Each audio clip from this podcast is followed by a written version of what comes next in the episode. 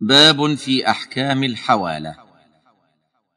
الحوالة لغة مشتقة من التحول لأنها تحول الدين من ذمة إلى ذمة أخرى ومن ثم عرفها الفقهاء بأنها نقل دين من ذمة إلى ذمة أخرى. وهي ثابتة بدليل السنة والإجماع. قال صلى الله عليه وسلم إذا أتبع أحدكم على مليء فليتبع. وفي لفظ من أحيل بحقه على مليء فليحتل. وقد حكى غير واحد من العلماء الإجماع على ثبوتها. وفيها إرفاق بين الناس وتسهيل لسبل معاملاتهم وتسامح وتعاون على قضاء حاجاتهم وتسديد ديونهم وتوفير راحتهم. وقد ظن بعض الناس أن الحوالة على غير وفق القياس لأنها بيع دين بدين وبيع الدين بالدين ممنوع لكنه جاز في الحوالة على غير وفق القياس. وقد رد هذا العلامة ابن القيم وبين أنها جارية على وفق القياس لأنها من جنس إيفاء الحق لا من جنس البيع. حاشيه إعلام الموقعين في الجزء الثاني الصفحة التاسعة. وأما الحديث الذي مضى من أحيل بحقه على مليء فليحتل فقد رواه البخاري برقم سبعة وثمانين ومائتين بعد ألفين ومسلم برقم أربعة وستين وخمسمائة بعد الألف. ولفظ فليحتل رواه أبو عوانة في الجزء الثالث الصفحة الثامنة والأربعين وثلاثمائة وكذلك في الصفحة الثامنة والأربعين والمئتين بعد خمسة الآلاف وغيره. انتهت الحاشية. قال وإن كانت بيع دين بدين فلم ينهى الشارع عن ذلك بل قواعد الشرع تقتضي جوازه فإنها اقتضت نقل الدين وتحويله من ذمة المحيل إلى ذمة المحال عليه. انتهى. ولا تصح الحوالة إلا بشروط. الشرط الأول أن تكون على دين مستقر في ذمة المحال عليه لأن مقتضاها إلزام المحال عليه بالدين. وإذا كان هذا الدين غير مستقر فهو عرضة للسقوط. فلا تثبت الحوالة عليه. فلا تصح الحوالة على ثمن مبيع في مدة الخيار. ولا تصح الحوالة من الابن على أبيه إلا برضاه. الصفحة الثامنة والخمسون بعد المئتين. الشرط الثاني اتفاق الدينين المحال به والمحال عليه أي تماثلهما في الجنس كدراهم على دراهم وتماثلهما في الوصف كأن يحيل بدراهم مضروبة على دراهم مضروبة.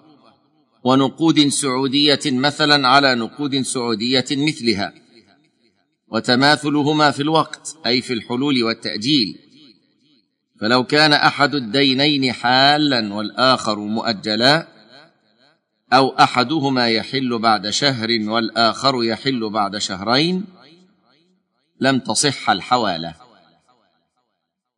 وتماثل الدينين في المقدار فلا تصح الحوالة بمئة مثلا على تسعين ريالا لأنها عقد إرفاق كالقرض. فلو جاز التفاضل فيها لخرجت عن موضوعها وهو الإرفاق إلى طلب الزيادة بها. وهذا لا يجوز كما لا يجوز في القرض. لكن لو أحال ببعض ما عليه من الدين أو أحال على بعض ما له من الدين جاز ذلك. ويبقى الزائد بحاله لصاحبه. الشرط الثالث رضا المحيل لأن الحق عليه فلا يلزمه أن يسدده عن طريق الحوالة. ولا يشترط رضا المحال عليه كما لا يشترط أيضا رضا المحتال إذا أحيل على مليء غير مماطل. بل يجبر على قبول الحوالة ومطالبة المحال عليه بحقه لقوله صلى الله عليه وسلم مطل الغني ظلم وإذا أتبع أحدكم على مليء فليتبع متفق عليه. وفي لفظ من أحيل بحقه على مليء فليحتل حاشية. انظر الجزء الثاني الصفحة الخامسة والستين. انتهى. أي ليقبل الحوالة. والمليء هو القادر على الوفاء الذي لا يعرف بمماطلة. فإن كان المحال عليه غير مليء لم يلزم المحال قبول الحوالة عليه. لما في ذلك من الضرر عليه. وبهذه المناسبة فالنصيحة لمن عليهم حقوق للناس وعندهم المقدرة على تسديدها أن يبادروا بإبراء ذممهم بأدائها لأصحابها أو لمن أحيل عليهم بها. والا يلطخوا سمعتهم بالمماطلة والمراوغة. فكثيرا ما نسمع التظلمات من أصحاب الحقوق بسبب تأخير حقوقهم. وتساهل المدينين بتسديدها من غير عذر شرعي. كما أننا كثيرا ما نسمع مماطلة الأغنياء بتسديد الحوالات الموجهة إليهم. وإتعاب المحالين حتى أصبحت الحوالة شبحا مخيفا ينفر منها كثير من الناس بسبب ظلم الناس. وإذا صحت الحوالة بأن اجتمعت شروطها المذكورة فإن الحق ينتقل بها من ذمة المحيل إلى ذمة المحال عليه.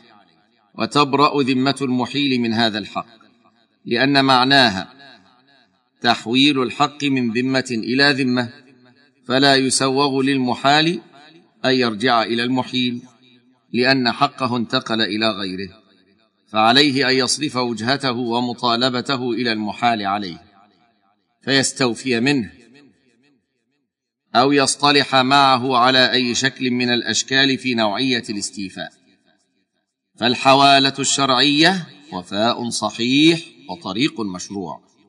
وفيها تيسير على الناس إذا استغلت استغلالا صحيحا واستعملت استعمالا حسنا ولم يكن فيها مخادعة ولا مراوغة.